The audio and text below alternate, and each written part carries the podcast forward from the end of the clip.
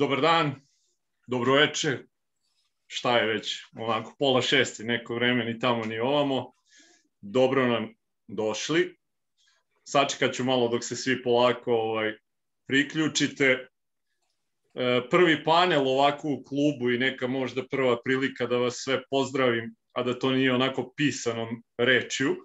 Ovaj, neke sam imao umeđu vremenu prilike i da vidim uživo pa da malo porazgovaramo. Vidjeli ste negde šta nam je ideja sa ovim klubom i trudit ćemo se da stvarno ovo dignemo na jedan viši nivo koliko nam situacija opet bude do, dozvoljavala i epidemiološka, ovaj, ali ideja je da, da je, evo, stvarno stvorimo jednu zajednicu preduzetnika koja bi trebalo e, kroz istu da raste, da se svi kroz nju razvijamo, da imamo ovako priliku da razgovaramo jedni sa drugima, da učimo jedni od drugih, od drugih i da kopiramo neke stvari, ono što Bojan to inače često kaže kad sedneš u Holandiju pa dođeš u Srbiju ko da si seo u vreme plov, tako da dosta tih nekih stvari koje postoje negde van, a dobre su prakse, e, treba iskopirati, naravno prilagoditi ovde malo uslovima i mi ćemo se negde truditi da, da te neke stvari u budućnosti uradimo i ovde.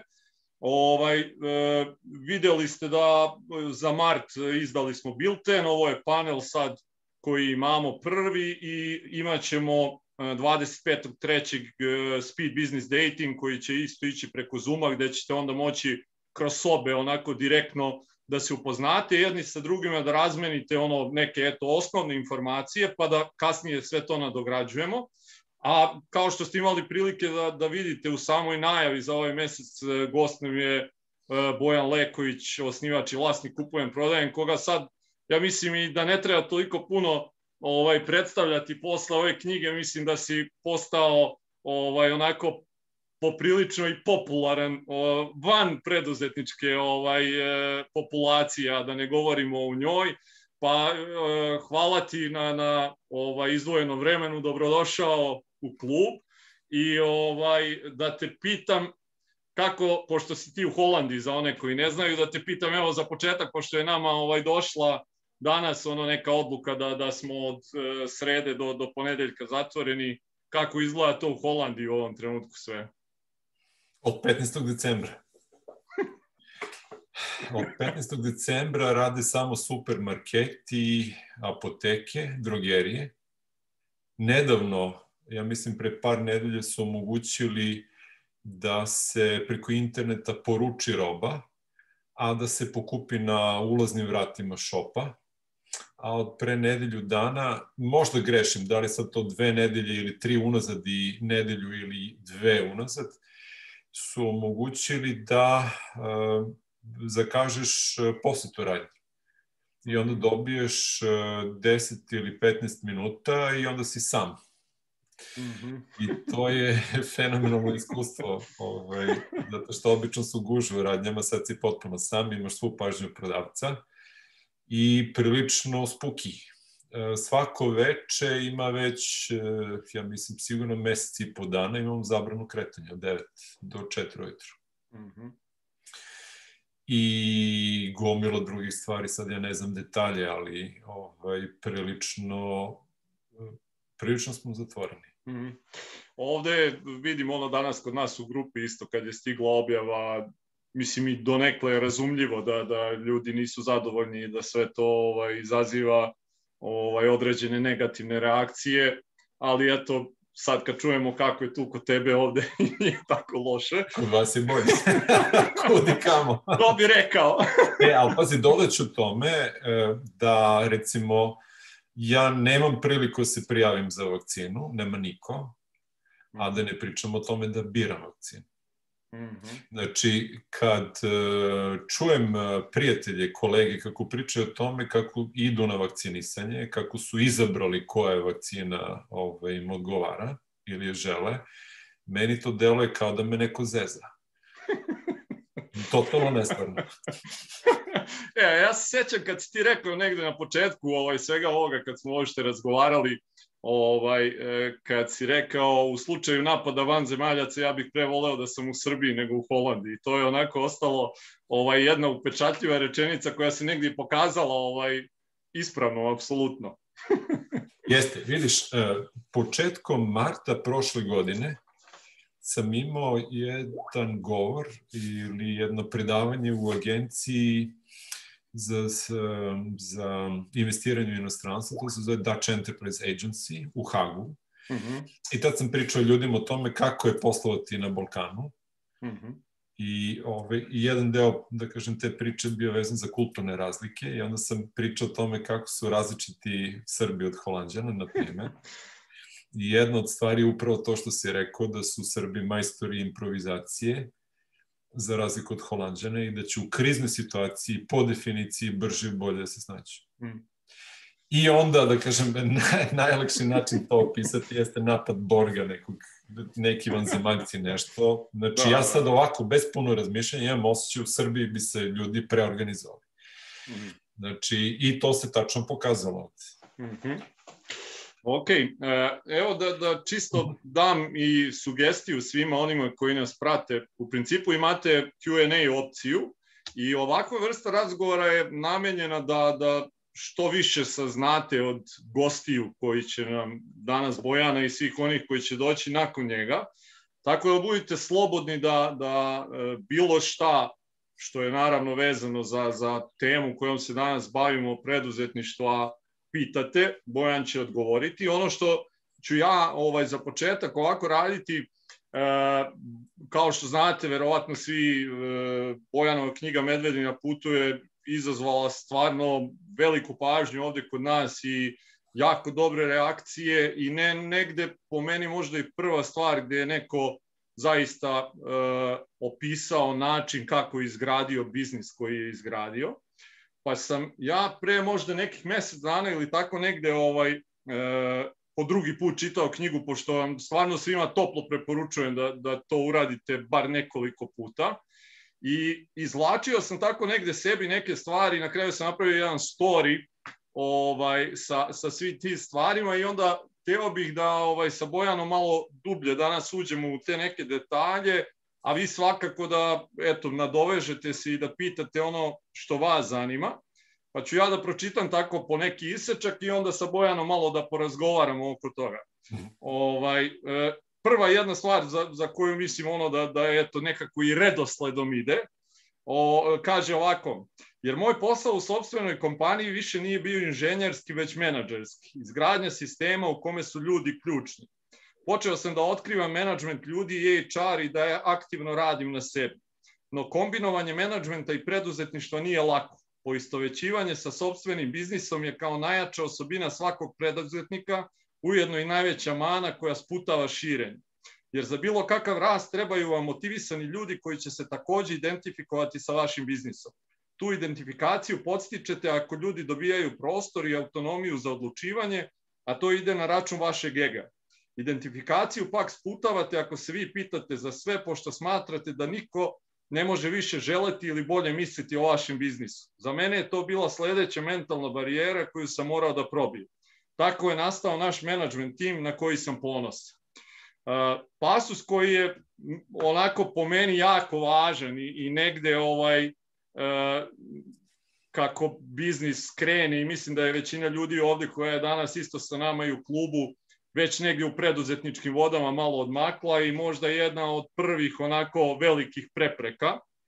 I ti si je jako lepo opisao ovde. Isto borbu sa svojim egom, ali isto neke ovaj stvari koje je neophodno uraditi. I ono što je isto jako važno, poistovećivanje sa biznisom i shvatanje tvoje da tvoja uloga više nije inženjera nego menadžer. Da, vidiš, uh, ima ovde holandska poslovica jedna vrlo poznata i ovaj, nju je, da kažem, u kulturu holandskog naroda ugradio Johan Cruyff. Mm -hmm. I ona glasi e, svaka prednost ima svoj nedostatak. To važi naravno i obrnuto. Svaki nedostatak ima svoju prednost. Um, znači, identifikacija sa sobstvenim biznisom je velika stvar. Pogotovo kad krećeš. Zato što dok živiš, dok si svestan, ti si zapravo posle. Što je, da kažem, jedna jako bitna odlika svakog preduzetnika i mm -hmm. ti ljudi nemaju radno vreme. I to je ono često kad te pita neko sa strane, ne znam kako ti izgleda radni dan, počne kad se probudiš i završi se kad zaspiš. I čak i sanjaš, jel? Mm -hmm. E, to je, da kažem, jedna velika snaga, velika prednost svakog čoveka koji je iznedrio neki biznis. On se prema njemu odnosi kao prema delu sebe ili prema članu porodice. Vrlo je velika identifikacija. To ne ostavlja prostor nikakav za otuđenje ako me razumeš. Ja mhm. sam tokom karijere imao prilike da vidim otuđenje na raznim nivoima, pa čak i kad su u pitanju akcionari neke firme. Mm -hmm. Ili, da kažem, vlasnik firme koji svoju firmu nije doživeo na pravi način. Možda kasnije se dotaknemo toga. -hmm. Ali šta hoću ja kažem? Znači, u jednom trenutku kad firma krene da raste, onda je vrlo opasno da taj osjećaj, eh, da kažem, identifikacije ostane toliko jak. -hmm. Odnosno, on treba da bude jak, ali ne u onoj meri u kojoj bi neko drugi, recimo, ko dođe u vaš sistem, ovaj, sebe o, o, doživeo kao, da kažem, neku ispomoć ili nekog ko je za ostvarenje samo tvog snova. -hmm. Znači, to je po meni ključno kad krene da raste organizacija, da ljudi koji dođu zapravo shvate da vi imate zajedničku misiju. Mhm. Znači da je vaša budućnost uh, i za njih jednako primamljiva. Mhm. Znači nisu oni, po meni, znači nisu oni došli u vaš sistem da bi vama pomagali da vi izgradite viziju. Uh, to treba postane zajednička vizija i mhm. zajednička misija. I a, znači velika je stvar izgraditi sistem tako da svi ljudi koji su u njemu njega dožive kao svog, to ide na uštrb ličnog ega, znači ne pitate se više za sve, ne mislite da vi najbolje sve znate ili da vi najbolje želite vašoj kompaniji.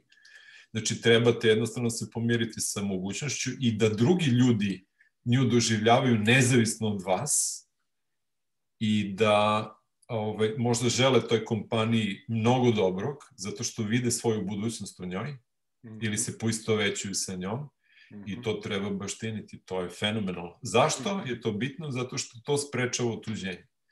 Znači, otuđenje u firmi je jedno od tri ključna razloga za propast neke firme, po meni. Mm -hmm. Pored, evo da ih pomenem, pored nesposobnosti na raznim nivoima i pored loše komunikacije. Mm -hmm koliko je tebi taj proces ono shvatanja toga ovaj, trave i koliko je bilo teško izboriti se sam sa sobom tu? Pa znaš šta traje, neko vreme, ne mogu sad da kažem, sigurno su godine u pitanju.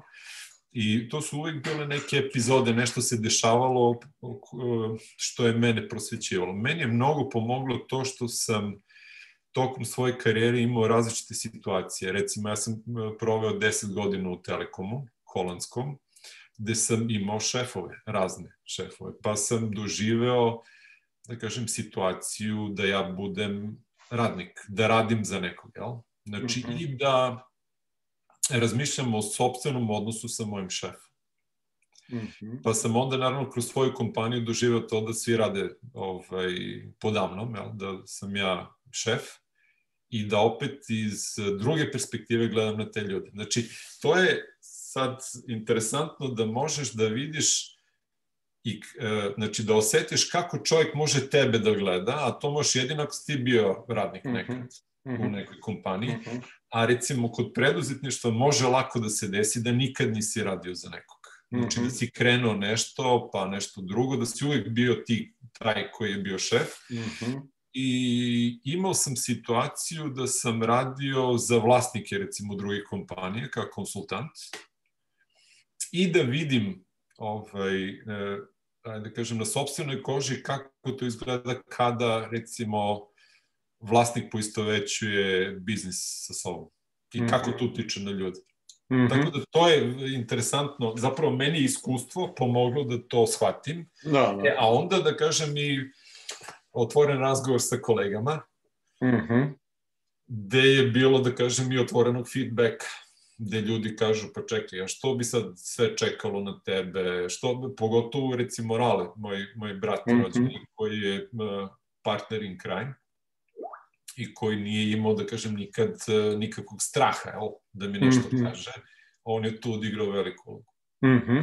Ali, da kažem i kolege, sećam se jednom prilikom kolega Velja, ovaj, mi je poslao jedan videoklip o različitim management stilovima na primeru dirigenata. Vrlo interesantno. Pokušat ću da nađem, pa ću ti poslati posle. Okay. Da. Da. Gde je u toku jednog videoklipa deset management, odnosno dirigentskih stilova e, prikazano za redom u kaskadi. Aha.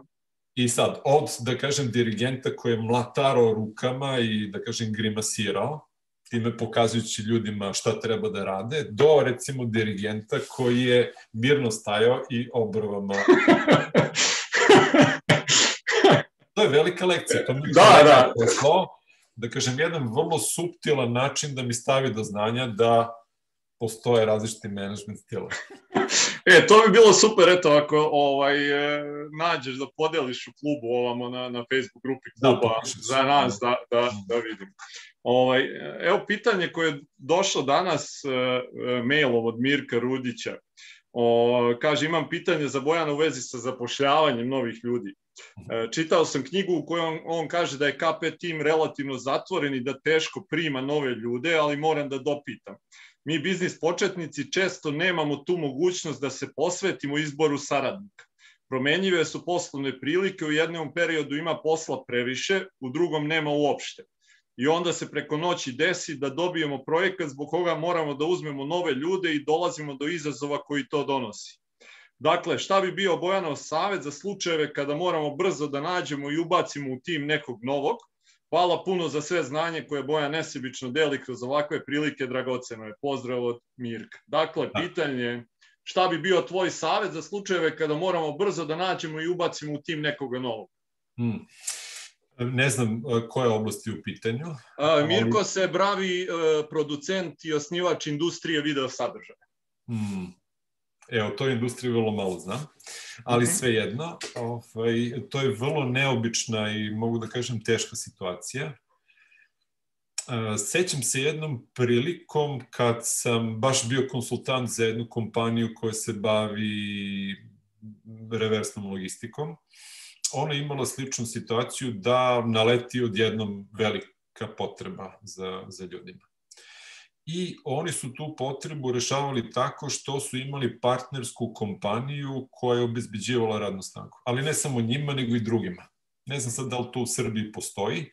Upravo takve kompanije imaju za cilj da dempuju, da kažem, tu um, dinamiku koja se dešava kod nekih, da kažem, branši, tako što jednom, jednoj kompaniji isporuče radnu snagu koja je naglo potrebna, a onda nekoj drugoj, u nekom drugom periodu i na taj način pomažu tim kompanijama. Ne znam sad u Srbiji kakva je situacija što s toga tiče, ali recimo ovde u Holandiji to tako rešavaju. Znači, mm -hmm. tako što radnu snagu vučeš iz tih buffer kompanija koje e, faktički lizuju radnu snagu, ali ne samo tebi, nego i drugim. Mhm.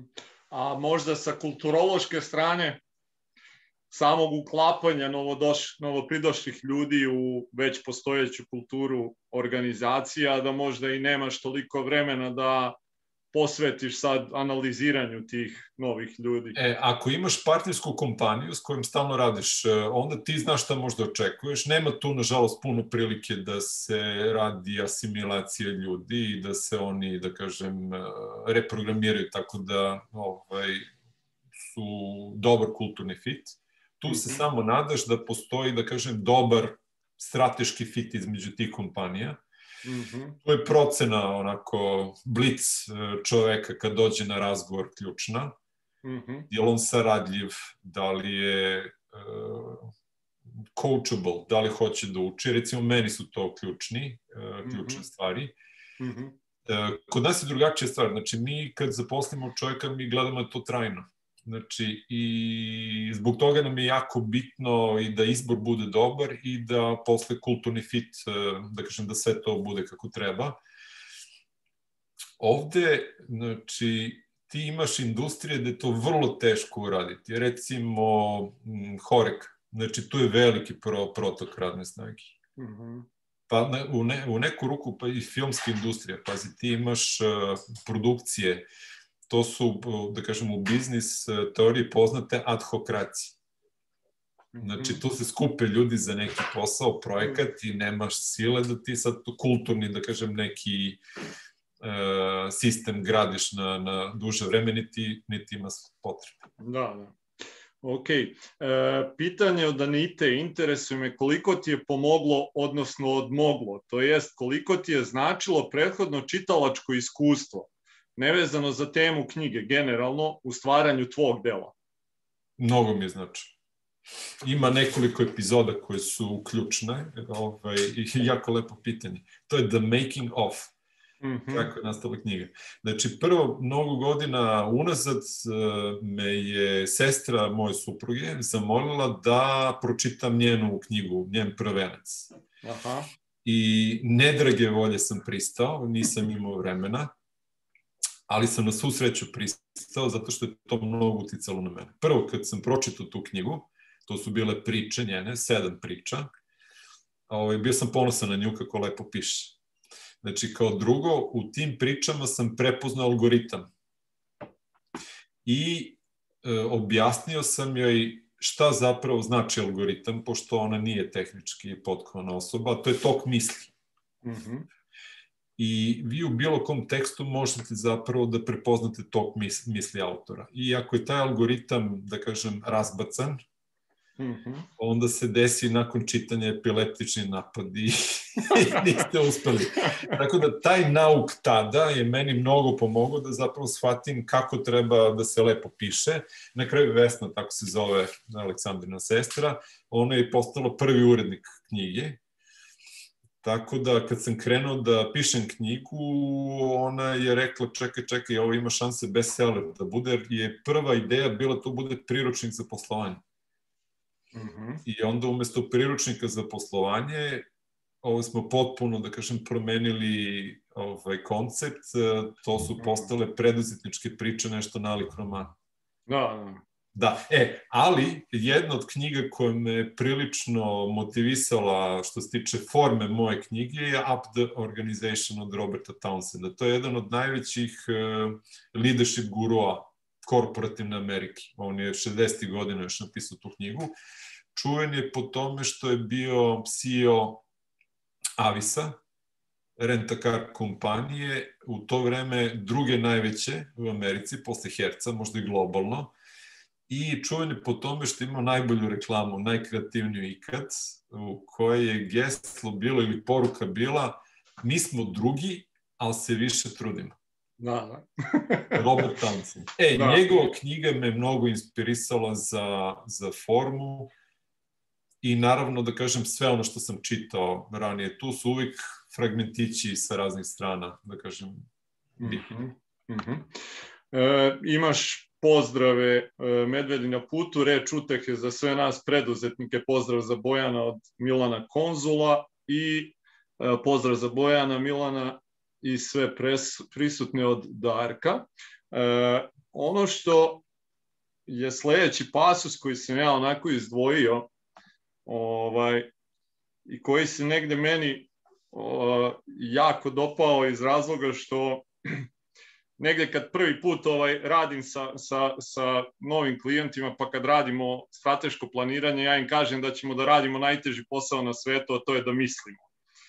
I ovde si ti onako to jako lepo opisao, rekao si, kaže, ostalih 95% vremena naš mozak ne koristimo, već delujemo u skladu sa navikama, automatski ili oponašajući druge. E pa kad je tako, ako ne mogu da utičem na to koliko sam pametan, onda mogu da utičem na to koliko vremena ću trošiti za aktivno razmišljanje. Ovih 95% dakle je ogromna neiskorišćena prilika da budemo perceptivno pametniji, odnosno da pažljivije opažamo stvari i to obilno koristim i prenosim na kolege u firmi. Zato je kod nas postala utemeljena praksa da dosta razmišljamo pre nego što krenemo da radimo, kao na primjer kada smo nedeljama razmatrali kako da oživimo sterilno bele zidove našeg poslovnog prostora i na kraju napravili kolaž sa slikama iz naše poslovne prošlosti, da bismo i eventualno gostu sve lepo dočarali. Gosti su to doživljavali kao veoma kreativno rešenje. Negde smo se u, u onom našem razgovoru za serijal dotakli toga kad si ti rekao ne može bre autoput da se ovaj improvizuje. Ne. I kad smo ovaj e, se baš onako, to si ti jako lepo da, rekao da smo mi improvizatorska nacija.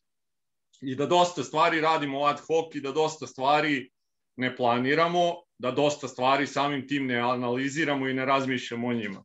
E sad, tebe, pošto te poznajem ovako nekako i lično i e, verovatno tako deluješ i ljudima koji o, ovaj, te možda ne znaju toliko dobro, kao neko ko je onako jako analitičan i dosta vremena provodi promišljajući stvari. Jesi ti uvek bio takav? Ili si do ovoga došao, do ovih 95% vremena, negde isto kroz svoj razvoj i shvatio da je to tako? Znaš šta, ne znam. znači, a, ali ono što znam jeste da sam se u jednom delu svog života, recimo mladosti, kao i svi mladi ljudi opterećivo da kažem, time gde sam ja, šta sam ja, koliko sam dobar i tako. Znači, i naravno, prirodno je da se pitaš i koliko si pametan. Mhm. Imao sam ja dobre rezultate nekad. Recim, e, u školi sam bio dobar đak i na fakultetu isto ali svejedno uvijek postoji neki crv sumnje. Pitaš se, znaš, e, da li si ti dovoljno dobar. Pogotovo ako odeš negde u neki novi ambijent. E, mlad čovek, on e, dođe vrlo brzo dodir sa iskusnim ljudima. Ali ne shvata zapravo šta je to iskustvo. Znači, vrlo je teško mladom čoveku objasniti šta je iskustvo. I onda on vrlo brzo krene se upoređuje sa drugima i naravno kako ćeš da se upoređuješ, pa to je, ako nije po visini, onda po pameti. No? Mm -hmm.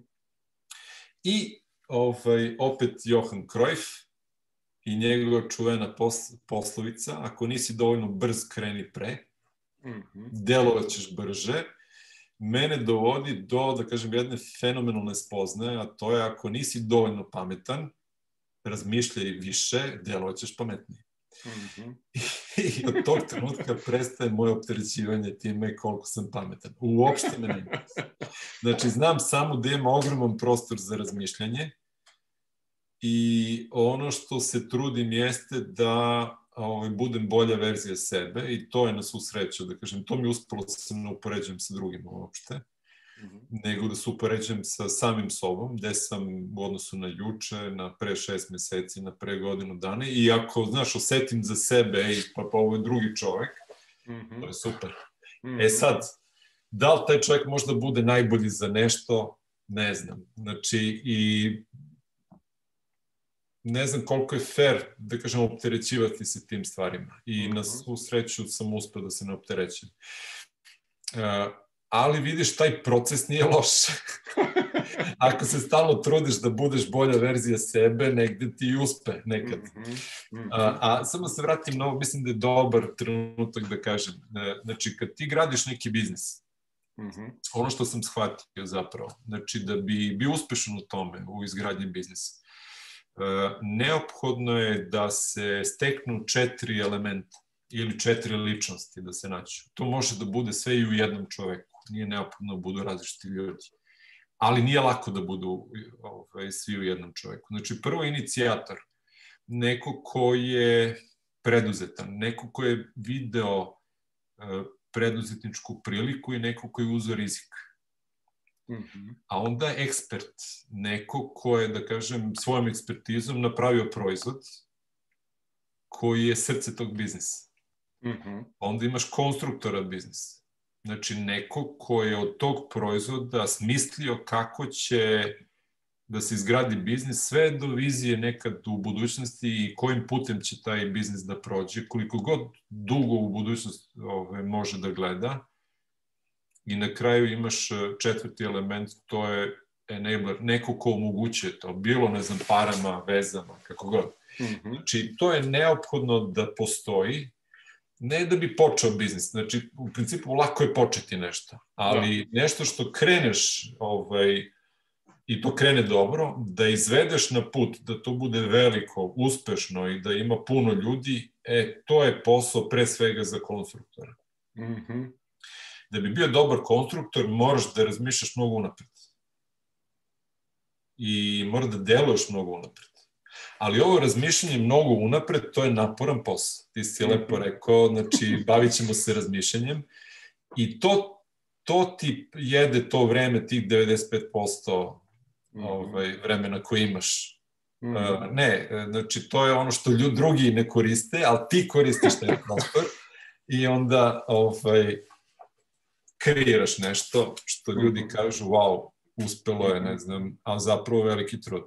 I pazi, još jednu stvar ću reći, znači ti imaš uh, dva pristupa po meni u kreiranju biznisa dugoročno uh, i u, njegovom uzrastanju. Jedan je vizionarski, kada imaš viziju budućnosti i kažeš, evo sad ću iskonstruišem sve to i, i napravit ću put do te vizije i izvešćeš to, znači i, kon, i konstrukcija i egzekucija, a drugi put je e, potpuno drugačiji, znači oportunistički, video si priliku i uradio si nešto dobro i onda nove okolnosti su te naterali da ponovo nešto dobro uradiš i onda ponovo nove okolnosti i onda ponovo si nešto dobro uradio, ali bez vizije.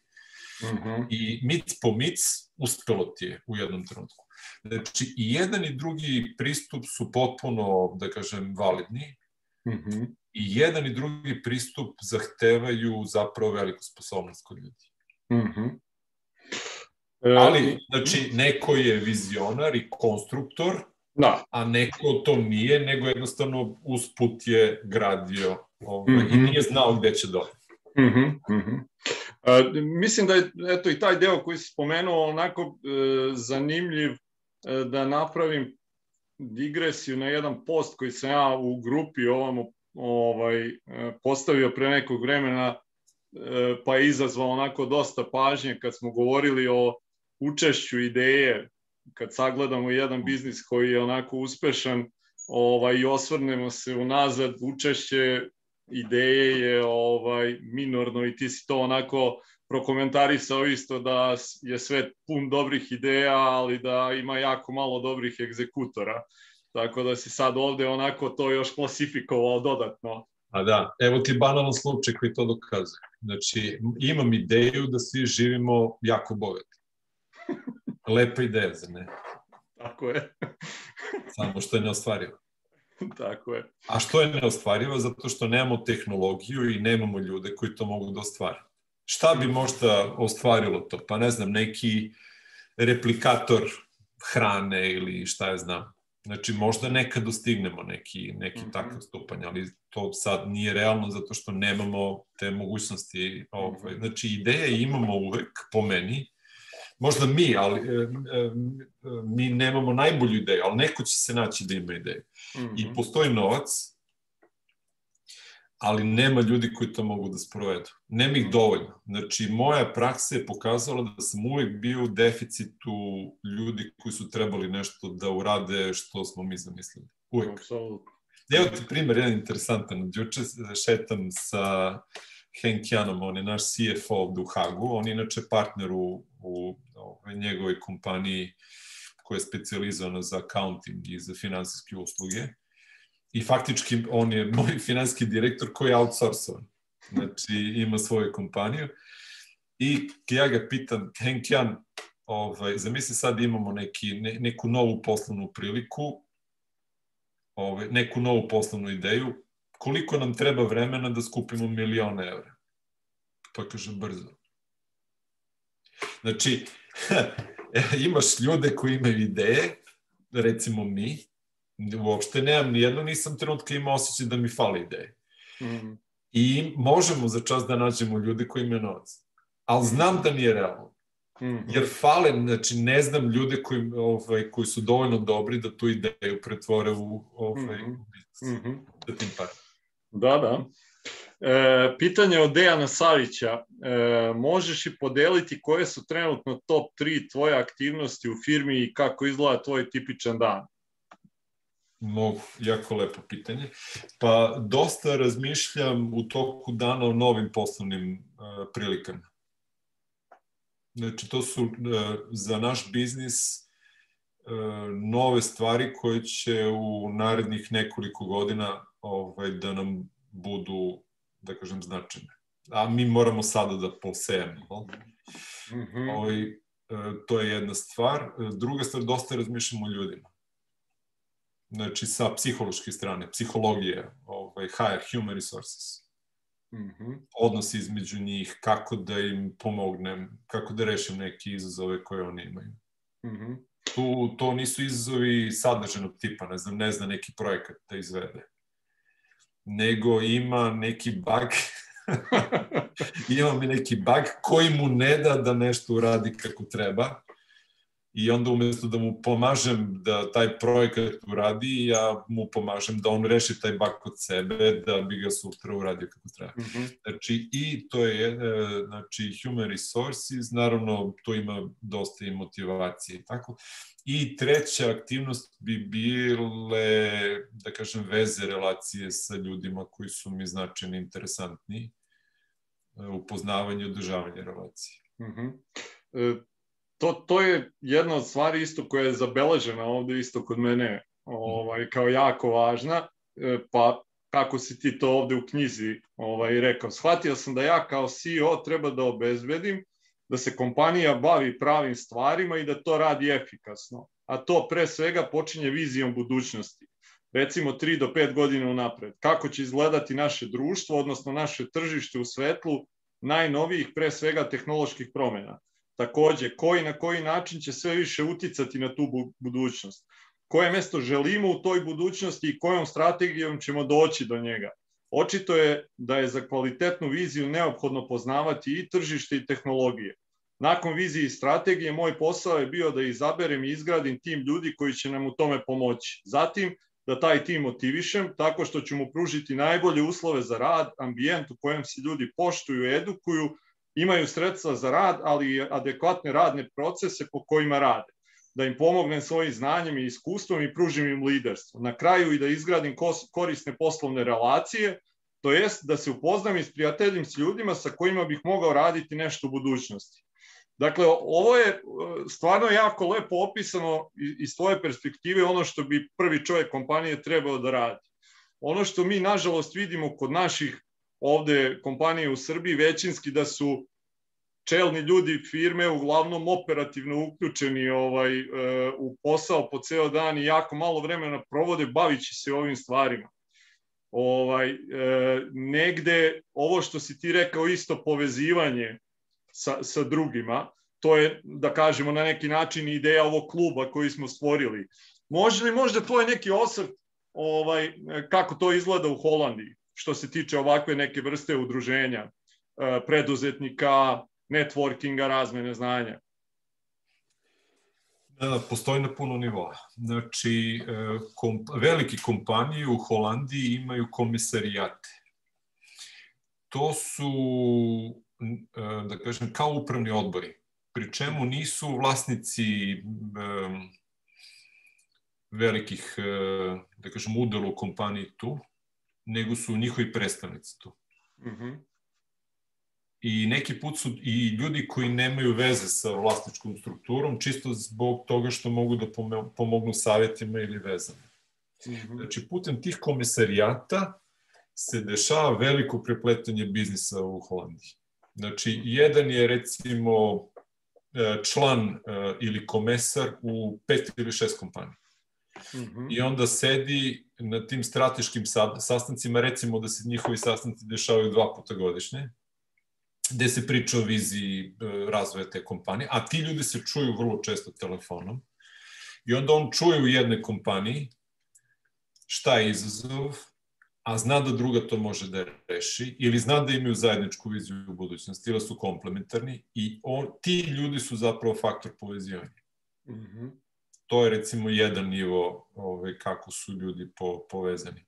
Znači, drugi nivo preko udruženja, mnogo ih ima, znači i strukovnih i ovakvih i onakvih, eh, gde ljudi networkuju. Eh, postoje, evo recimo, skoro ovaj, sam pričao sa jednim da kažem, e, kolegom, on je, on je CEO kompanije koji zove Workspot. To je e, najveći holandski servis za pružanje usluga preko interneta, možeš bilo koju, da kažem, uslugu da ovaj, e, ispregovaraš tako što je postoješ, pa nađeš, da kažem, ponuđače i onda ovaj, sa njim kreneš da. To možda bude, ne znam, sređivanje bašte, farbanje, uređivanje kuće, bilo šta. Znači, mislim na te usluge tog tipa. I ja sam se upoznao sa čovjekom koji vodi tu kompaniju u Holandiji i mi se čujemo redovno. Znači, jednom mesečno učimo jedan od drugog. Evo recimo prost primer. Znači ja ga pitam, pošto njihova firma mnogo veća od naše, jer on i u 11 zemalja ovaj, posluje, kako se organizovao sad, da kažem, puno projekata sa tim timom. I on kaže, evo, znači, moja organizacija je potpuno preslikana iz ove knjige, Empowered. I ja dok pričamo, ja je poručim preko interneta i stignem. Znači, sledeće što ću da radim, pročitaću, vidjet ću. Znači, on kaže da ti ja sad ne objašnjavam, sve lepo piše u knjizi, uzmeš, pročitaš, kako je ovaj opisao majstor, tako smo se mi organizovali za posao. I meni to mnogo znači. Znači, čovjek koji je ispred mene što se tiče posla, zato što je u nekoj većoj kompaniji, uh, rešavao probleme pre mene, znači da mi svoje znanje pokloni. Pa to je, znači, savet, pa to je fenomenalno. Da. To, da kažem, bogatstvo je. Da, da. E, pitanje od... I naravno, samo izvini, da duše, ne, postoje ne, reci, organizacije, reci. Da, recimo, direktorske, gde se ovaj, učlaniš, mm -hmm. uh, i dobiješ pristup, da kažem, i raznim edukacijama, i sastancima, i srećeš ljude koji su slični. Baš ovo sad što ti, Đole, si pokrenuo, ovaj, sa klubom, to je, da kažem, nešto što je široko rasprostranjeno. Mm -hmm, mm -hmm. Ok. E, pitanje od Stefana Kukoljca. E, pozdrav e, i pitanje za Bojanja. Koji je to najbolji savet za mlade ambiciozne preduzetnike? Da, to je sad široko pitanje. um, pa ne znam sad, u ko, e, mladi preduzetnik, da li je već krenuo da bude preduzetnik? Ako jeste, znači ja mislim da je najbolji mogući savet da nađe nekog iskusnog mentora da mu pomogne. Hmm. Inače, da kažem, preduzetništvo najveća šansa na uspeh e, u preduzetništvu imaju ljudi u 40. godinu. Znači, mladi ljudi su skloni, da kažem, riziku, skloni nego stariji, ali su i manje iskusni i tu postoje razne opasnosti da bi te opasnosti minimizovali, znači mentorstvo. Mm -hmm. Najbolja preporuka. Aha, eto. E, Mladen Jović te pita koja je tvoja ključna osobina i veština koju smatraš da te vodi do uspeha pored empatije? Ja mislim, moja najjača osobina je radoznalost. Mm -hmm. A onda i upornost. Mm -hmm. To su, da kažem, dve, ovaj, sad, čitav život me prati. Mm -hmm. To je bilo nešto usađeno u tebe ili si razvijao? Pa gledaj, ne, bilo je usađeno, stvarno. Ja se sećam kad sam bio mali, kad mi donesu igračke na poklon, gosti neki, neko, ovaj, ja te igračke odmah doživim kao, da kažem, žrtve. Aha. Jedva čekam da oni odu i da ja krenem to da razmontiram.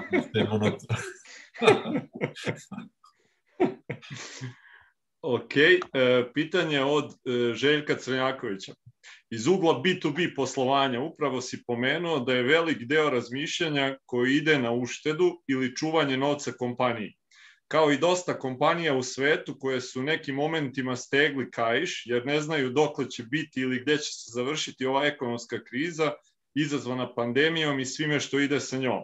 Pitanje za tvoju kompaniju kao jedan primer uspešne kompanije. Gde štedite, a gde ulažete? Kako je razmišljanje o trošenju sredstava kad uzimate B2B usluge za vaš biznis tokom poslednjih godinu i po dana i u skorijoj budućnosti, ulaganje u marketing, outsource ili šta god već? Da budem iskren, mi na svu sreću nismo imali velikih problema zbog krize, tako da to nije uticalo na velike uštede kod nas. Mi smo samo postali svesni toga da će možda za neke stvari biti pametnije da manje, da kažem, investiramo ili da ne da manje investiramo, nego da budemo obazri, obazrivi prema, nečim, prema nečemu što je možda, da kažem, za nas investicija. Tipa marketing ili, da kažem, zapošljavanje novih ljudi. Znači, ali nismo, da kažem, štedili u relacijama sa drugim, sa drugim firmama, u B2B segmentu. Mm -hmm. Mi nismo, znači, mm -hmm. ali ja sad ne znam, znači, ono što je, verovatno znate svi, na dohvat ruke svim kompanijama što se tiče štednje, to su plate ljudi, odnosno radna mesta i marketing, najčešće. Znači, e, kad su u pitanju ljudi, ljudi su bogatstvo, i ako vam trebaju dugoročno, to ne bi trebalo da se čačka, ništa. Mm -hmm. Ovde je nekako to sad postalo ovaj, polako se osvećuje, osvešćuje ta neka činjenica o, oko značaja, bar u, u jednom delu i dalje to na nekom niskom nivou. Dugo je ovde bila ona, ako nećeš ti da radiš za 200 eura, ima ko hoće, ovaj, pa smo došli u situaciju da sad više nema ni za neke veće iznose hmm. i polako počinju ljudi da osvešćuju te neke stvari, da ne bude samo ona floskula kao ljudi su e, najveće bogatstvo same kompanije, to je nekako izlizana fraza, nego da zaista to bude i tako. I onda mi se tu negde ovaj, e, nadovezuje ovaj sledeći pasus koji sam isto iz knjige izvukao. Kako doći do željene kulture? Pa počinje se dobrom selekcijom. Ključni kriterijum je da li se kandidat kulturno uklapa. U postojećoj organizaciji potrebno je subtilno delovanje, a ne otvoreno nametanje. Naši šefovi timova imaju zadatak da daju lični primer naših kulturnih vrednosti. Deo našeg vrednovanja mhm. Aha, meni se slika ovde, samo izvinjavam se nešto, nadam se da ide sve ok. Ide. E, dakle, naši šefovi timova imaju zadatak da daju lični primer naših kulturnih vrednosti. Deo našeg vrednovanja odnosi se upravo na kulturno uklapanje. Nagrađujemo željeno i kritikujemo neželjeno ponašanje. Sve ovo je neophodno da bi sistem funkcionisao kako želimo i kada šefova ne bi bilo. Jer što bi Peter Drucker rekao, kultura jede svaku strategiju za doručak. A ako u organizaciji ubacujete ljude pre nego što ovo shvatite, mnogo rizikujete. Gradite kompanijsku kulturu već sa prvim zaposlenim. Imaš e, smetnju na mikrofonu, Đole. Aha. Znaš da budeš svestan toga? Dobro. Ok, ja se čujemo sad. Pa i dalje imaš malo smetnju. Meni je ovde iskreno nestala slika. Ja uopšte nemam nikakvu sliku trenutno. Ali ja tebi. Ja Pa ne znam šta mi se dešava. Aha. E, sad si mi okej. Okay. Dobro. E, I sad je smetnja nestala. Dobro, da krenemo brzo na to ove, šta si pročitao. Pa znaš šta, ovaj, um, kulturu kompanije, prvo, mnogo bitna stvar. Znači, uh, to je nešto što ljudi, ako ne razumeju, mora da čitaju što više da bi razumeli. Vrlo brzo će postati ključna stvar za uspeh nekog biznisa kakve kulturu u kompaniji. Mm -hmm. Zašto je to bitno? Zato što, uh, i to ima veze sa onom identifikacijom što smo pominjali na početku Znači, kad vi krenete da ljudima poveravate da rade posao umesto vas, što je ideja, da kažem, e, rasta kompanije, ona raste tako što dođu novi ljudi koji su jeftiniji nego vi, pa onda oni krenu da rade ono što bi inače vi radili. Mm -hmm. E, da bi vi bili sigurni da ti novi ljudi koji su ošli u sistem rade onako kako bi vi radili, ne možda onoliko kvalitetno, nego da bi imali istu ideju kako taj posao treba da se uradi, mnogo je bitno da oni razumeju i prihvataju vašu kulturu. Odnosno su kulturno, da kažem, u skladu sa tim kakvi ste vi.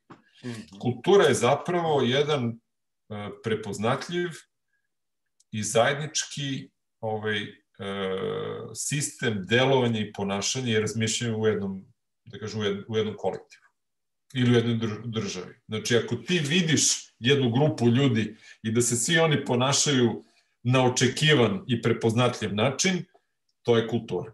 -hmm. I za kako se to manifestuje u biznisu, recimo vi treba da sa nekim, uh, ovaj, evo daću primjer, ja, uh, sa nekim dobavljačem da ispregovarate nešto. Moja ovaj, politika prema dobavljačima je sledeća, znači gledam da, da imam poverenje u te ljude, gledam da su jako dobri za svoj posao, i gledam da kada dođemo do pregovora to bude win-win. Znači da bude dobro za nas, ali da bude dobro i za njih. I recimo, ne znam, konkretan primer skoro, e, pre, pre, ja sam pregovarao sa, sa jednim dobavljačem i on je dao ponudu od uh, ajde sad da sakrijem, da kažem tu brojku, recimo dao je ponudu 30.000 evra za nešto. Mm -hmm. Ja sam mu rekao da mi se čini da je to malo previše i onda sam ga pitao da li bi ti mogao da mi kažeš sada iznos, nakon što sam procenio da je jako fin čovjek, sa kojim bi vi bili, e, da kažem, minimalni iznos sa kojim bi vi bili zadovoljni. I onda je on čovjek rekao sam, pa ja ispod 20.000 ne bi imao motiv da radim. Na primjer. Znači nije ta brojka, ali jasno, čisto jasno. primjera. Mm -hmm. E, ja sam mu rekao, ok, onda će biti 23.000. Mm -hmm. E, to je kultura, da kažem, win-wina, koju treba da imaju i drugi ljudi, jer neću uvijek ja pregovarati sa tim čovekom. Mm -hmm. Znači, ono što vi želite jeste da čovek u vašoj organizaciji ima takav mindset, sutra kad radi nešto umesto vas, da kao da ste vi radili. Mm -hmm. E, možda on tu promaši neku brojku, nešto pogreši, nebitno. Da ali razume, razumeš o čemu se ovde radi. Mm -hmm. I sad, znači, prvi korak ka definisanju, da kažem, kvalitetne kulture selekcije. Znači, kad imaš intervju, primaš čoveka, je on, da kažem, sklon tim stvarima ili nije? Jasno, da. E, ima način da se proveri, neki put i nije lako, ali ima puno kulturnih aspekata u jednoj kompaniji. Recimo, da li neko u 17 časova završava posao? da li, da li ti to odgovara da neko prekine, ne znam, neki posao za koji mu je trebalo dva sata uopšte da uđe u njega, tačno u 17.00. Mm -hmm. Ili recimo kulturu u kojoj ljudi smeju ti kažu šta, šta misle. Mm -hmm. Znači, jer ako ti ne kažu šta misle, ti onda možda debelo grešiš, da debelo budeš u zabludi. Mm -hmm. On čuti jer veruje da si ti najpametniji, znači i, i ne sme. I mm. kultura u toj kompaniji nije otvorena, na primjer. Mm -hmm. E, sve te stvari su jako bitne u suštini e, za uspeh jednog e, kolektiva, znači kultura i skillovi ljudi unutar te organizacije kolektiva, isto važno za državu, su ključni. Mm -hmm. Znači, evo sad ću proširiti malo. Ovo, za, uspeh, za uspeh pojedinca, njegov karakter, znači ne ni koliko je pametan i šta zna, karakter, glavna stvar za njegov dugoročni uspeh, za uspeh kolektiva, kultura. I naravno skillovi. Sad isto kao i za pojedinca. Njegov karakter, a onda, da kažem, njegov, njegovi skillovi. Jasno. Mislim da ono dobro je baš što si se eto malo duže zadržao tu, jer stvarno mislim da je kultura jedna stvar koja je ovde totalno kod nas e, jako loše i shvaćena i da ja isto često ponavljam ovu Drakerovu da kultura jede strategiju za doručak, ali i dalje onako iz nekog rada sa firmama vidim da na tome tek treba negde da osvešćujemo dosta stvari, tako da je super što si se ovde malo onako i detaljnijih i konkretnijih nekih primjera dotakao. E, ali ono... samo moram jednu stvar, da ovde da budemo fair, znači mm -hmm. u mhm. potpunosti. Znači ti imaš situaciju da e, neke firme u nekim branšama ne mogu puno platiti ljudi. Mm -hmm. Takođe imaš situaciju da je ljudi, e, protok ljudi jako veliki. Mm -hmm. I ti možda se ubiješ znači kao management, ali nećeš mnogo da. Znači moraš da budeš svestan da će u tom slučaju kultura, da kažem, naroda koji ti ulazi da opredeljuje uspešnost kompanije. Mm -hmm. I za neke stvari je kultura, recimo, našeg naroda vrlo pogodna, za neke stvari nije. Tako. Znači, ako imaš, ne znam, inženjerski biro u kome se, ili programersku firmu u, u kojoj postoji veliki protok kadra, nema šanse. Mm -hmm. Međutim, ako si recimo mm, call center, čak i tu, pazi, je riskantno, ali tu ti je lakše, čini mi se. Da, da. Lakše nadomestiti. Negde sam čitao ovaj, skoro baš da je trošak e, kad ti ode zaposleni iz firme dok tog novog čoveka koji dođe tu od 50 do 300% godišnje plate tog čoveka na toj poziciji, to ti je trošak firme koji ćeš imati sad opet u zavisnosti od okolnosti, ali od 50 do 300% je da taj sad novi čovjek se uklupi u, u, u ceo sistem i da počne da funkcioniše onako kako bi trebalo da funkcioniše. Mm -hmm. E, pitanje je od Miloša Božanovića, Božanovića, izvinjavam se sad za akcenat, pitanje za Bojana prema njegovom mišljenju, koja su, na primjer, tri biznisa koja će u narednih pet godina imati veliki rast, računajući sa time da će korona pandemija završiti kroz maksimum godinu, dve. Bojan je najavio da puno razmišlja o novim poslovnim prilikama, pa da čujemo koje su to ideje. Pa, ovaj, ne mogu da pričam sad, ne mogu da obelodanim nove poslovne prilike, bilo bi čudno. Um, znači, ono što verujem da će biti prilika definitivno sve vezano za online, zbog promenjenih, da kažem, ubrzanih, ubrzane edukacije ljudi, promenjenih navika. Ja iskreno ne verujem da će da traje ovo sve godine i po dve još. Ja mislim da ćemo do kraja godine da vidimo kraj, definitivni kraj krize. Mm -hmm. Isto kao što je španski ovaj, nestao posle četiri talasa ili pet. Španska groznica, španski grip. Španski grip, da. Znači, nije, istorija nam je pokazala da ovo ne traje u nedogled. Mm -hmm. E, I ovaj, ima, to je sad interesantno, vrlo je meni teško reći šta će biti dobro. Znači, nemam, nažalost, staklenu kuglu. Uh, tek bilo koja poslovna prilika treba da bude nešto novo, neka inovacija na tržištu i to ne mora sad da bude high tech. Mm -hmm. Evo, recimo, primjer je dobar, šetljati se po tržnom centru gde je sve, da kažem, još uvijek zatvoreno, ali mogu da se vide radnje i ovaj, šta sve planiraju ovde, relativno blizu meni ima veliki ovaj, tržni centar, novi. Video sam jednu prodavnicu parfema, arapskih parfema. Mm -hmm.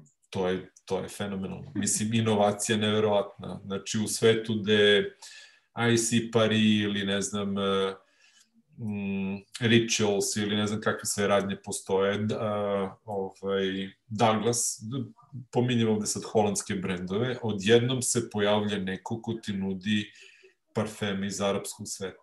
Znači, totalna novina, a svi su vrlo lepi. Tako da nije bitna po meni branša, uvek će biti prostora za inovacije u raznim branšama, bitno je da kažem razmišljati o tome šta koje potrebe ti rešavaš ljudima i uvek postoje potrebe. Evo recimo prosta potreba baš zbog ove krize koncerti, događaj, pozorišta. Znači ne mogu da odem u pozorište, vi možda i možete u Srbiji, ali ja ovde ne, zatvoreno su. Ali bi platio recimo sad da mogu da odgledam pozorišnu predstavu na TV-u Mm -hmm. Aj, zamislimo sad, Zvezdara teatar, ima kamere unutra, postavljene i e, glume glumci pred praznim teatrom, ali zapravo svi mi na TV-u možemo da kupimo to da odgledamo. Meni bi to bilo interesantno. Kao nekog ko živi u inostranstvu. Mm -hmm. Ali da predstava bude samo tad, uživo, da mogu da vidim koliko stotina ljudi to gleda zajedno sa mnom. Mm -hmm. I, to je, I da nikad se ne snimi, Eto je, recimo, primer jedne da, da. Ove, potrebe koje nije rešena sad, niko je ne rešava. Mm -hmm.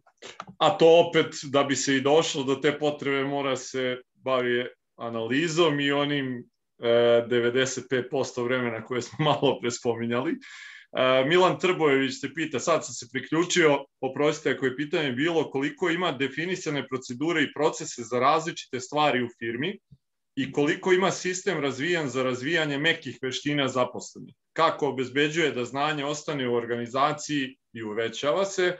Hvala, inače je knjiga fenomenalna. Hvala Milanu. I ovaj, dosta i, i pitanje. I... Evo ovako, A... pročitat ću ti prvo. Koliko ima Ajde. definisane procedure i procese za različite stvari u firmi? Dosta ih imamo.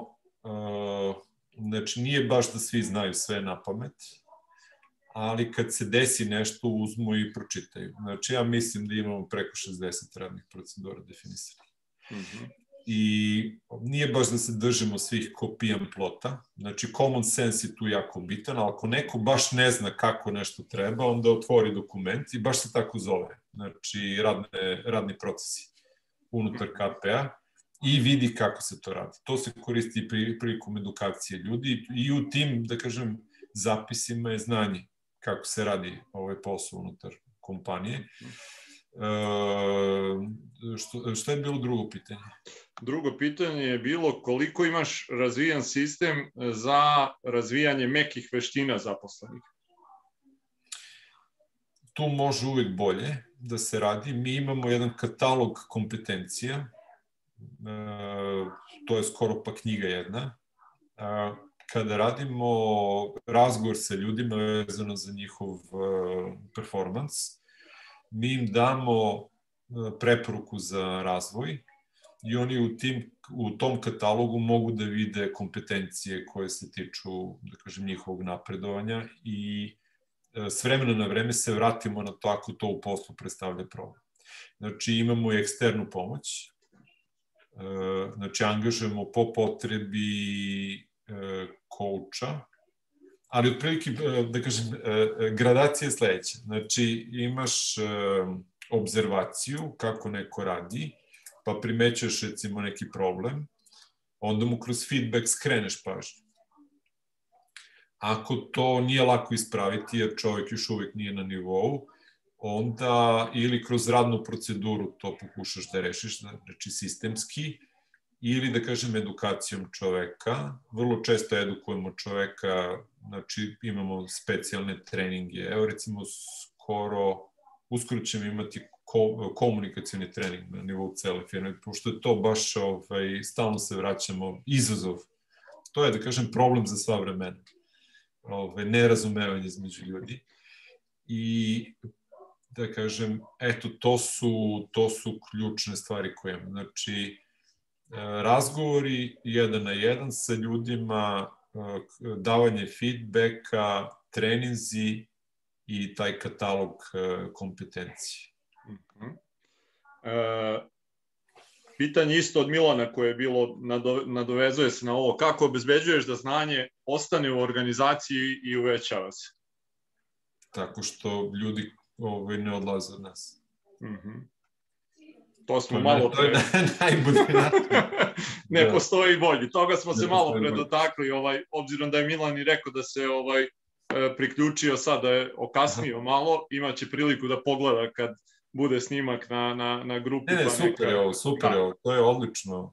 Ovaj, e, e, sad baš vezano za feedback, još jedna ono e, pasus iz tvoje knjige. E, odbrana je pogotovo loša reakcija na negativnu kritiku umesto odbrane kritiku treba prihvatiti otvoreno, kroz pitanja, kako bi se razumelo šta vam tačno sagovornik zamera. Iza toga treba da sledi akcija da bi se stvari popravila. Iz negativne kritike se uči. Od pohvale nam je lepo, ona je značajna jer nas motiviše, ali od nje ne učimo. Pravilna reakcija na negativnu kritiku toliko nam je bitna da smo u naše kompanije uvrstili kao komponentu pristupa poslu, u okviru rednog vrednovanja zaposlenih. U Holandiji sam naučio da je loša reakcija na kritiku parališuća slabost. Ovde nekako, to je opet ono možda kulturološka stvar, e, ako neko kaže nešto što nije pohvala, upućeno je tebi, automatski se zauzima neki odbrambeni stav. Što je totalno ono pogrešno. Ali znaš kako, to je i možda univerzalna stvar, nije samo u Srbiji tako. Znači, globalno je tako, pri čemu ljudi drugačije samo reaguju zato što su možda naučili kroz obrazovni sistem da budu asertivniji, na primjer. Mm -hmm. e, to je jako bitna stvar u odnosu između ljudi.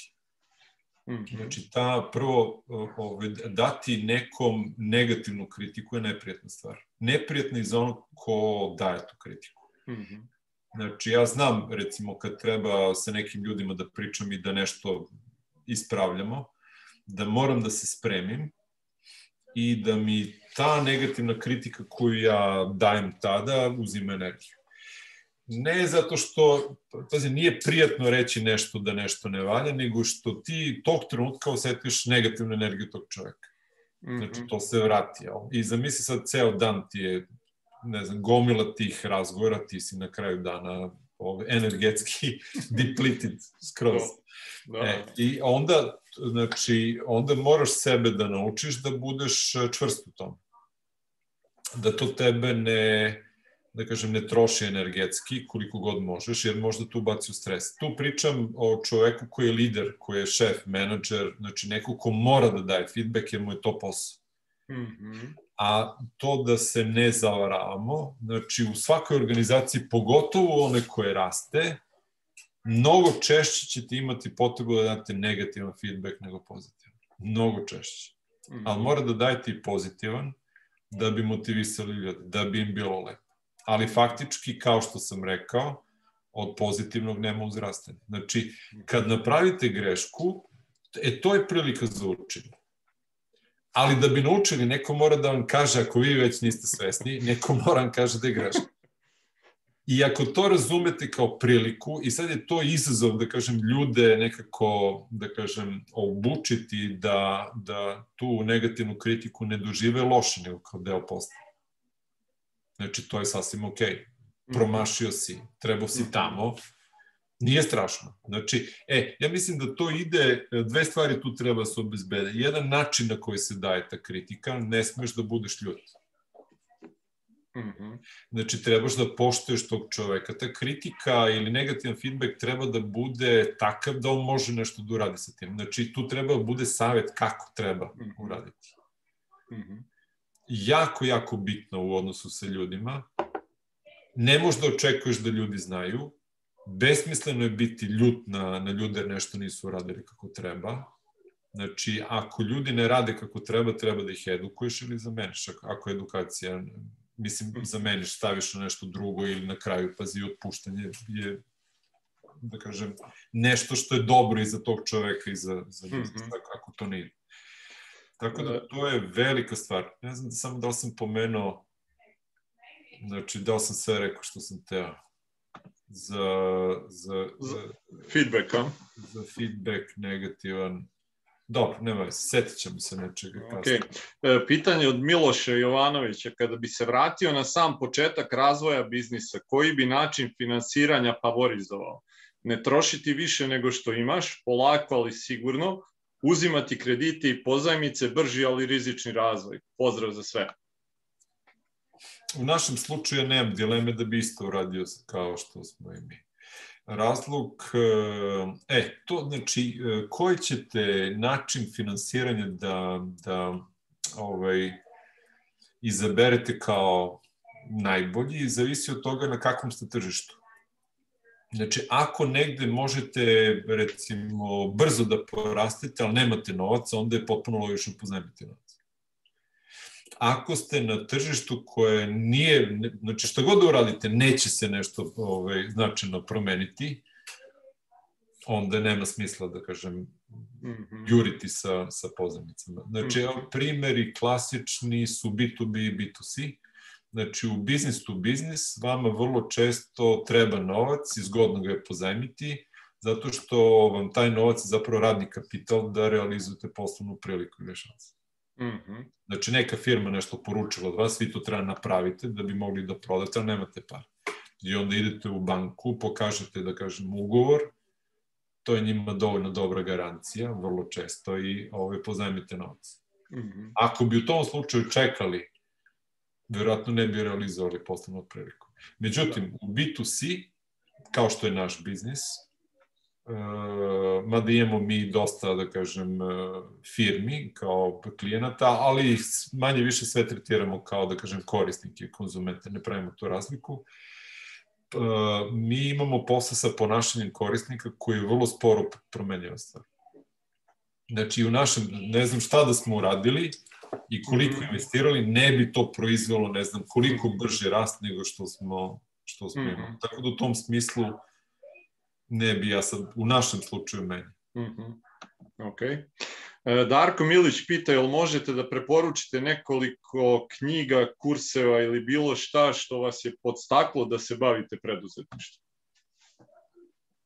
Pa mene, meni je lično, da kažem, od uvek tinjala ta ideja, nisu, nisu, me, e, nisu me knjige ili kursevi podstakli da budem da kažem, preduzetnik, ali mi jesu pomogli da se e, razvijam kao menadžer ili poslovni čovjek.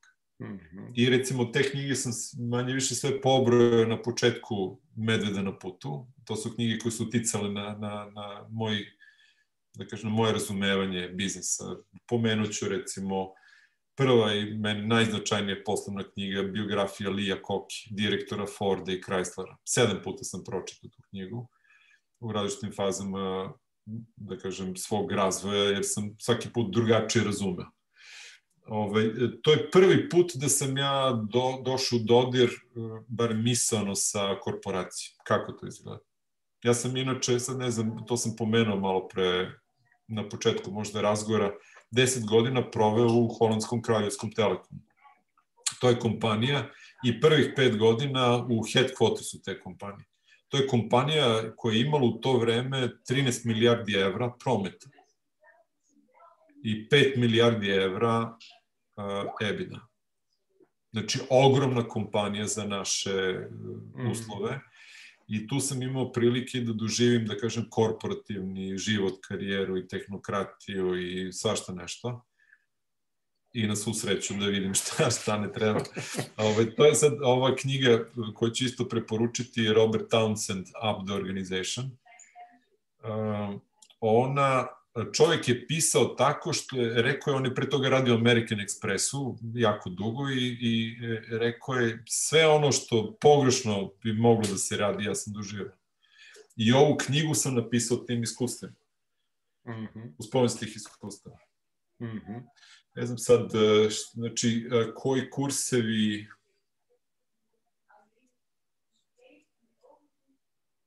Pa zavisi za koju oblast. Znači, za preduzetništvo generalno ne mogu sad da, da izdvojim ništa specifično. Mm -hmm. Nema da kažem. Jasno. Da. E, Anita pita šta bi preporučio ljudima koji su za razliku od većine nas, rekla bih, silom prilika postali preduzetnici. Dakle, bili su primorani iz nekih razloga da se samo zaposle. Misliš li da vremeno mogu da razviju tu neku iskru koju preduzetnik nosi i šta bi im pomoglo u tome? Mogu da razviju. Uh -huh. Uh, mogu. Ovaj, evo ja sam imao situaciju, znači ja sam dugo premišljao. Nisam bio baš siguran. Znači ja sam stalno voleo, ali ti volao sam da se bavim privatnim poslom. Ali ti nisi preduzetnik ako voliš da se baviš privatnim poslom. Ti si preduzetnik ako si spreman na poslovni rizik. Uh -huh. I baš sam uh, o tome pisao u knjizi ovaj, kako me jedna, da kaže, konsultantkinja ovaj, prodrmala kad sam je pitao da li bi ja mogao. Ona me pita čim me pita, on mi kaže čim me pitaš, nisi ti za to. I onda se desilo sam dobio otkaz na kraju kompanije. Znači, za Anitu, eto, čisto znaš, nisi jedina to. Ja sam gurno tu predan. Evo, ja sam dokaz da to može. da, da se preduzetnik, ono, to je dilema da li se rađa ili se stvara. Pa, znaš šta, e, e, može i jedno i drugo. Ti, ti se ne, ne rodiš ni kao preduzetnik, ni kao lider. Znači, ti jednostavno vidiš e, neke stvari u životu da ti prijaju, pa ne znam, kasnije otkriš sebe, da si, možda istrpiš rizik, mm -hmm. da imaš energije. To su ključne stvari za preduzetništvo po mene. Spremnost na rizik i velika energija. Mm -hmm. I da imaš, naravno, i da imaš plan neki šta ćeš da, da radiš, ali energija zbog ovih medveda na putu. A rizik zato što ideš na put, a znaš da će biti medveda. Da, ima medveda. Da. E, evo još jedan pasus onako za kraj. Ovaj, leti vreme, mislim, evo sat 15 smo ovaj, već tu. Uh, ali uh, moram da ga, pošto ga smatram jako važnim, ne samo za preduzetnike, mislim da nama ono kao naciji, ono stvarno ovako nešto treba. Kaže, kritičko razmišljanje je inače ključna kompetencija u upravljanju, ne samo prilikom odabira ljudi.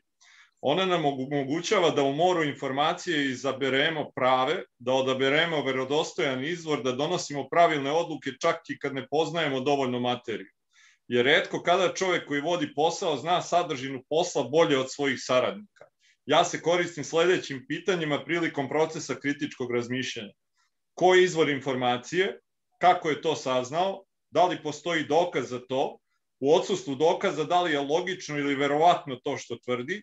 Da li postoje kontraprimeri koji opovrgavaju informacije? E, za ova pitanja sad ovako kad si ih ovaj već e, lepo skockao, je li to nešto što je e, proizašlo iz tvog iskustva ili si isto negde pokupio od nekoga ovako baš ovakav sled? Kombinovano. Znači ja sam e, dosta davno shvatio da sam prilično dobar u tom. Mm -hmm. Kad sam, kako, kako sam shvatio, na neobičan način, ovaj, e, ljudi su, kad bi ušao u neki razgovor ovaj, i u debatu, negodovali e, kad god bi sumnjao u to što iznesu. Znaš, recimo, naši ljudi su, su vrlo skloni, mislim na našu srpsku kulturu ili balkansku kulturu, da daju preterane izjave. Mm -hmm. Recimo, tipična preterana izjava, hiljadu puta sam ti rekao. To u Holandiji ne postoji. Aha. Reće, rekao sam ti dva puta ili pet puta, a da. neće reći hiljadu puta. I sad, to nije problem kad ti, da kažem ovako, e, e, kažem, nonšalantno pričaš s prijateljima, ali jeste problem kada, recimo, u biznisu ti treba da doneseš odluku poslovnu na osnovu toga što je nešto urađeno hiljadu puta. Ili možda samo dva puta. Mm -hmm. E, i pošto kad pričaš s ljudima, ljudi ovaj, pričaju dosta na način koji oslikava njihovu prošlost i, da kažem, njihovo odrastanje i ambijent u kome su, ti moraš da budeš jako pažljiv sa time koliko su kvalitetne te informacije. I pošto je pošto sam ja shvatio da je meni mnogo, kvalitet, e, mnogo bitna kvalitetna informacija i da to treba i drugima da bude, onda sam razvio metod da pomognem drugima da razumeju kako da dođe do toga. I to je kroz ova trik pitanja. Znači, prvo i klasično pitanje je, li to logično, što mi kažeš? Znači, znači, da ne poverujem u startu, nego da propustim kroz taj filter logike. Drugo, ako mi se učini da nije logično, ko je izvor? Ko ti je to rekao? Mm -hmm. Jer onda gledaš e, da li stoji neki autoritet iza tog izvora ili ne, ali to TikTok, ne znam, e, ili Wikipedia ili enciklopedija. Da, pročita sam na internetu. da, super, znači, ali mi reci ko je. I onda procenješ, pazi, u tom procesu ti vidiš koliko je taj čovjek koji ti iznosi to nešto čvrst, koliko on razume te stvari. Znači, pa i on, znači, njegove interpretacije se isto testira. Tako da ti, da kažem, kroz nekoliko pitanja dođeš do osjećaja, je li to istina ili nije i mm -hmm. tako da kažem radi. E, a onda sam sasvim slučajno u želji da ove, pomognem kolegama naišao na jedan kurs e, nije to kurs e, opšteg tipa, nego je to kurs koji je jedan ekspert za critical thinking održao ljudima u Intelu i ima samo audio zapis i ja bih ga toplo preporučio, ali ne mogu sad da se setim, ovaj, možda ću ti poslati. Od mm -hmm. pola sata traje i izuzetan je. Mm -hmm. Znači, to je inače ključna osobina kod lidera, kod ljudi koji mhm. vode biznis, kritičko razmišljanje.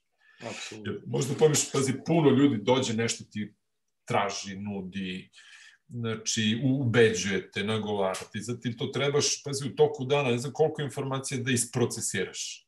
Mm -hmm. Da bi to bilo kvalitetno, A šta znači kvalitetno? Znači, na kraju cilj je da tvoj biznis bude efektivan i efikasan. Efektivan znači da se bavi pravim stvarima, a efikasan znači da te prave stvari radi sa najmanjim utroškom energije. Jer time najviše, najviše gaziš, na, na, najviše ideš unapred. Da bi to moglo, pravilno odlučivanje je ključno. Mhm. Da bi pravilno odlučivo i posle sprovodio te odluke, trebaš da si critical thinker. ok.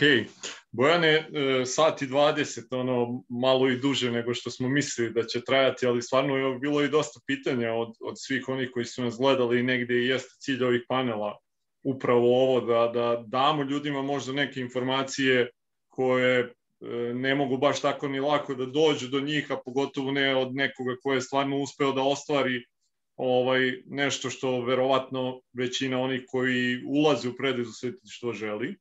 E, možda za, za kraj, evo samo zanima me da podeliš e, kako tebi deluje ova ideja sa klubom uopšte, što smo ovaj pokrenuli e, iz tvoje neke perspektive, obzirom da eto, imaš priliku i da si u Holandiji, da si video sve i svašta nešto kako tu funkcioniše, kako ti deluje ova sama ideja, sad ideja kao takva, rekli smo malo vredi, vidjet ćemo kakva je egzekucija iste. Meni to dele fenomenalno i zato sam ovaj, oberučke prihvatio tvoj poziv da budem ovde, da, da gurnemo ljude. Da budem iskren, to je vrlo slično i, i mom naporu ovaj, vezano za knjigu. Mm -hmm. Znači, naravno, volao sam ja da ispričam našu priču, ali je, uh, razumećeš, recimo, sama knjiga Medvedi na putu nije nešto od čega ću ja da živim, niti to nama, da kažem, značajno doprinosi našem biznisu, ali je, da kažem, ideja bila da se pomogne društvu tako što ćeš im podelit ćeš iskustvo i po Abrahamu Maslovu, koji je najveći, da kažem, psiholog rada, koga smo imali, ovaj, najveći dar jednom društvu je preduzetnička prilika. Znači nisu ni doktori, ni inženjeri, ni ovaj, advokati, nego preduzetnici. Hmm. I uh, ja mislim da prvo ovo što ti radiš je fenomenalno, znači sa serijalom Ja preduzetnik, jer je to toliko motivišuće za ljude. Znači, nema bolje motivacije za jednog preduzetnika nego da vidi da je drugom uspelo, zato što svi preduzetnici u suštini imaju jednu zajedničku crtu, to, je, on, to su optimisti u životu. I ja mislim da mi mora da se držimo u tom smislu, da se pomažemo, a naj, e, najjednostavniji oblik i, po meni najvredniji oblik saradnje prenosa iskustva i znanja. Mm -hmm. I to može na, da kažem, sjajan način ovaj, kroz ovaj klub. Zašto baš klub?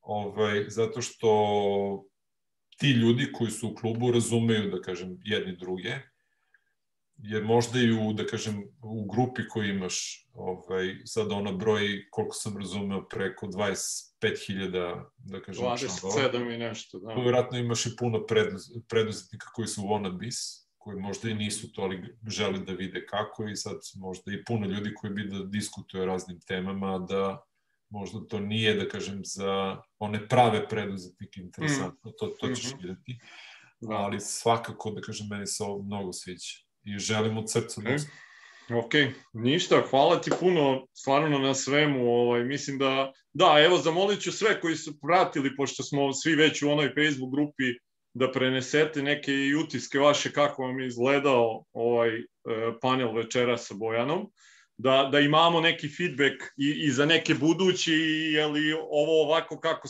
smo zamislili da izgleda jedan odgovarajući format. Želim vam svima da se ono e, čuvate, pazite, da ste zdravi obzirom na situaciju svuda oko nas, a Bojanu da nam što pre dođe ovde u Srbiju pa se vidimo posle godinu i nešto uživo. Ovaj, da. hvala ti stvarno puno na, na odvojenom vremenu. Ništa. I jedva čekam da se vidimo. I veliki pozdrav za sve. Hvala svima puno. Pozdrav. Prijetno.